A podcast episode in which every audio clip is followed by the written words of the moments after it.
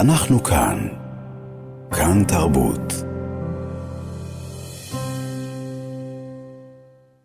מי הם החות'ים? אה, איך הם קשורים לנסראללה ולאיראן, ולמה הם שונאים את ישראל. פרופסור אמציה ברעם, אה, פרופסור אמריטוס בחוג להיסטוריה של המזרח התיכון באוניברסיטת חיפה, היסטוריון של עיראק ותנועות שיעיות רדיקליות. שלום. שלום. שלום, שלום. מה זה השם הזה, חות'ים? החות'ים זה שם של שבט. אלחות'יים זה שבט גדול אה, בצפון מזרח תימן, אה, שהוא שבט שיעי, אבל זה אלה שיעים מיוחדים, לא שיעים, לא דומים, דומים אבל לא זהים עם השיעים באיראן, בעיראק, בלבנון. אבל המייסד של התנועה שנקראת התנועה החות'ית, שמו היה חוסיין אל-חות'י, שוב זה שבט, אבל זאת ברית של שבטים, והיום זו ברית הרבה יותר רחבה גם השבט הזה, שהוא עומד בראש הברית, אלחות'יין, אבל גם אה, כשבעה שבטים קטנים יותר שהם כאילו בני משפחה, משפחת שבטים, וגם הרבה סונים, זה מעניין. בוא. כלומר, זאת ברית היום, זה לא סתם שבט אחד, זאת ברית שלמה. עם, כולל סונים, לא רק שיעים. אז זה מאוד מעניין, כי אם, אם אנחנו מחלקים את המפה של העולם הערבי, וצובעים בצבע אחד את השיעים ובצבע שני את הסונים, אז בעצם אנחנו מקבלים אה, אה, מעין התפלגות פוליטית כזאת, נכון? זאת אומרת, הסעודים למשל הם רובם סונים, נכון? כולה, כן, בוודאי, השלטון הוא כולו סוני. כולו סוני.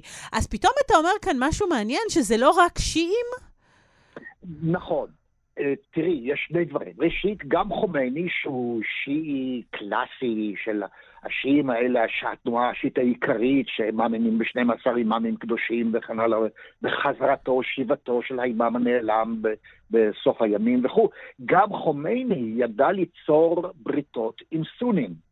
אה, ושימו לב עכשיו, אפילו הבוקר, אה, נסראללה, הגיבור שלנו, יש לו ברית, לא ברית מחייבת במיוחד, אבל ברית עם החמאס, שהם סונים. כך שלא צריך לראות את זה כחד ערכי, אבל לשיעים שגרים, שחיים בצפון תימן, שנקראים השיעים הזיידים, להם עוד יותר קל להתחבר אל סונים. כי הם מראשית יצירתם, מראשית היווצרותם יותר נכון, אה, במאה השמינית-תשיעית אה, לספירה, חיפשו הרבה מכנים משותפים עם הסונים וגם מצאו אותם, אז להם עוד יותר קל. מה, מה זאת החלוקה הזאת, אם תוכל, אני יודעת שזה סיפור היסטורי ארוך, אבל בכל זאת, הכל כך משמעותית הזאת בין הסונים לשיעים. כן, החלוק, החלוקה היא קודם כל בין הסונים לשיעים, ואחר כך גם בין שלוש קבוצות עיקריות של שיעים, שהם לא זהים אלה עם אלה. הסונים אה, לא נקראו אז סונים, אבל מי שהיום אנחנו קוראים להם סונים, אה, הם היו ונשארו העדה השלטת בקרב כל העולם המוסלמי. Mm-hmm. והמחלוקת התחילה כשהייתה מחלוקת פוליטית טהורה, אפילו לא דתית, אלא פוליטית, בין תומכים של שלושה חליפים ראשונים שהחליפו את הנביא, הנביא מת בשנת 632, ואז החליפו אותו שלושה חליפים, וזאת מפלגה אחת, שהיא הגדולה והחזקה. מפלגה שנייה שהייתה די חזקה, אבל היא הייתה בכל זאת חלשה יותר, אמרה, לא, לא, לא, לא, לא, השלושה אלה שהיו, השלושה הראשונים, אה, אבו בכר, אה, עומר, עות'מן, השלושה אלה לא מגיע להם בכלל להיות חליפים. רק לגיבור שלנו, עלי, אבן אבי טלב, רק הוא מגיע לו להיות חליפה, ואתם גזלתם ממנו את הבכורה ואת הירושה. אלוהים יעניש אתכם, אתם חוטאים לאלוהים. ו... כי זאת החלטה של אלוהים שאתם הפרתם אותה. אז הסונים עד היום אה, תומכים בסדר הרגיל שהיה 1, 2, 3, ומספר 4, אגב, היה הגיבור של השיעים, עלי אבן אבי טלב. אבל השיעים אומרים, הוא היה מספר ארבע, בסדר, אבל הוא היה חייב להיות מספר אחד. ועל זה היום החלוקה, יש המון הבדלים נוספים מאוד. זה ההבדל הגדול, שהוא הבדל רגשי עמוק מאוד. אנחנו תומכים בך, בעלי, בגיבור שלנו, והם, החוטאים לאלוהים, תומכים בשלושת הראשונים, ועל זה אתם מקוללים, ועל זה אתם נשרפים בגיהינום כמו סטייק על צד אחד, אחר כך על צד שני, ושוב על צד אחד. כן. עד, עד סוף עד סוף ימי התבל. אז אני אעצור אותך רגע, פרופסור המציע ברם, כדי לספר שאנחנו עוקבים אחרי החדשות, ויש כרגע אה, אזעקות בצפון, אה, במספר יישובים, אה, ואנחנו כאן נעקוב אחרי ההתפתחויות. אנחנו ממשיכים עם החות'ים, לא עם הצפון, אלא דווקא עם תימן, עם הדרום. כן, אני רוצה רגע שנלך להיום, שאני, מה פתאום, רובנו, או הרבה מאיתנו, לא שמעו על החות'ים מהיום, עד היום, נכון, ופתאום נכון. הם יורים עלינו טילים. נכון. בוא, בוא, בוא נגיד על זה משהו. זאת אומרת, מה קרה שאיראן נמצא אותם נחזור. עכשיו? כן, מה פתאום אנחנו מקבלים מהם טילים? זה נראה פתאום כן, מאיפה הם נכון. הגיעו. זה כן. סיפור היסטורי מאוד מאוד מעניין ומאוד מאוד, מאוד הוא הוא מלא מהפכים. זה, זה דבר מרתק. תראו, קודם כל, השיעים של צפון תימן, שהשבט העיקרי שלהם הוא שבט החות'י, אה, אבל הרבה שבטים נוספים, נקראים שיעים זיידים, מהמם. מפני, או גם חמישונים.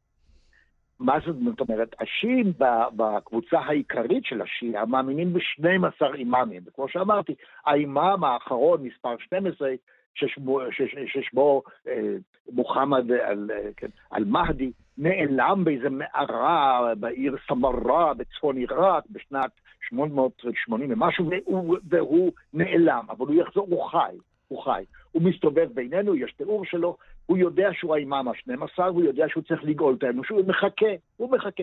עד שאלוהים יגיד לו, זה הזמן. ועכשיו יש יש המון מספיק- סימנים שזה קורה, זאת אומרת, הם נכון, הם נעשים עוד סימנים. יותר משיחיים כרגע. נכון, הם נעשים עוד יותר משיחיים היום, אם כי הם רוב השלש. השליטים ב- ב- ב- ב- בטהרן הם לא ממש משיחיים, אבל עדיין כן. אבל יש תנועות משיחיות חזקות, כי המון סימנים מתחילים להתגשם עכשיו. אני רק כן. אגיד לך, אחד הסימנים המובהקים ביותר זה שנשים תהיינה בולטות במדיניות. אמן. זה סימן שהאנושות מידרדרת מתחת לתחתית. צריך אז זהו, אצלהם. זה לא ככה, אמן כן, ויביאנה, כן. הם רואים בזה את הסימן ההידרדרות. לגמרי. כי נכון, נשים לא נכון. אמורות להיות מנהיגות, אבל- כן. אבל- נכון, אבל נחזור לחוסים. אם כן, החוסים שייכים לש- לשיעה קצת אחרת, שמאמינה רק בחמישה, לא ב-12 אימאמים, ושהאימאם שלהם, מספר חמש, הוא זייד. הארבעה הראשונים זהים לשתי התנועות, אבל החמישי שלהם הוא זייד. ולכן הם נקראים נקראים זיידים. הזיידים הרבה יותר קרובים לסונים מאשר חומייני וחומנאי Mm. ושאר הגיבורים שם בטהרן. מכל מקום, עד שנת 1967, תקשיבו טוב, עד 67, החוסים, שהיו חלק מהזיידים של צפון תימן, והשליט שלהם היה אימאם, אה, היה יחיה ואחר כך היה בנו, לא משנה, היו בעצם מאוד מאוד נעימים ו- ו- וסימפטיים כלפי יהודי תימן, ואפילו כלפי ישראל. עד כדי כך, לא היו יחסים כמובן פורמליים, לא היה שום דבר, אבל כשפרץ מרד נגד האימאם הזה, ייצג את השיעים הזיידים עד אז, ואלף שנה האימאמים הזיידים שלטו בצפון תימן. אז האימאם הזה ביקש עזרה כאשר פרץ מרד נגדו, מרד צבאי בעיקר נגד קצינים סונים, הוא ביקש עזרה מסעודיה ו- וגם מארצות הברית במידה מסוימת.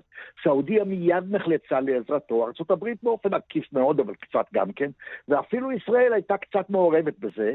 למה? מפני שהתומך הגדול של הקצינים המורדים, הקצינים הסונים ברובם, המורדים היה לא אחר מאשר גמל עבד אל-נאצר המצרי, אויבינו הנורא.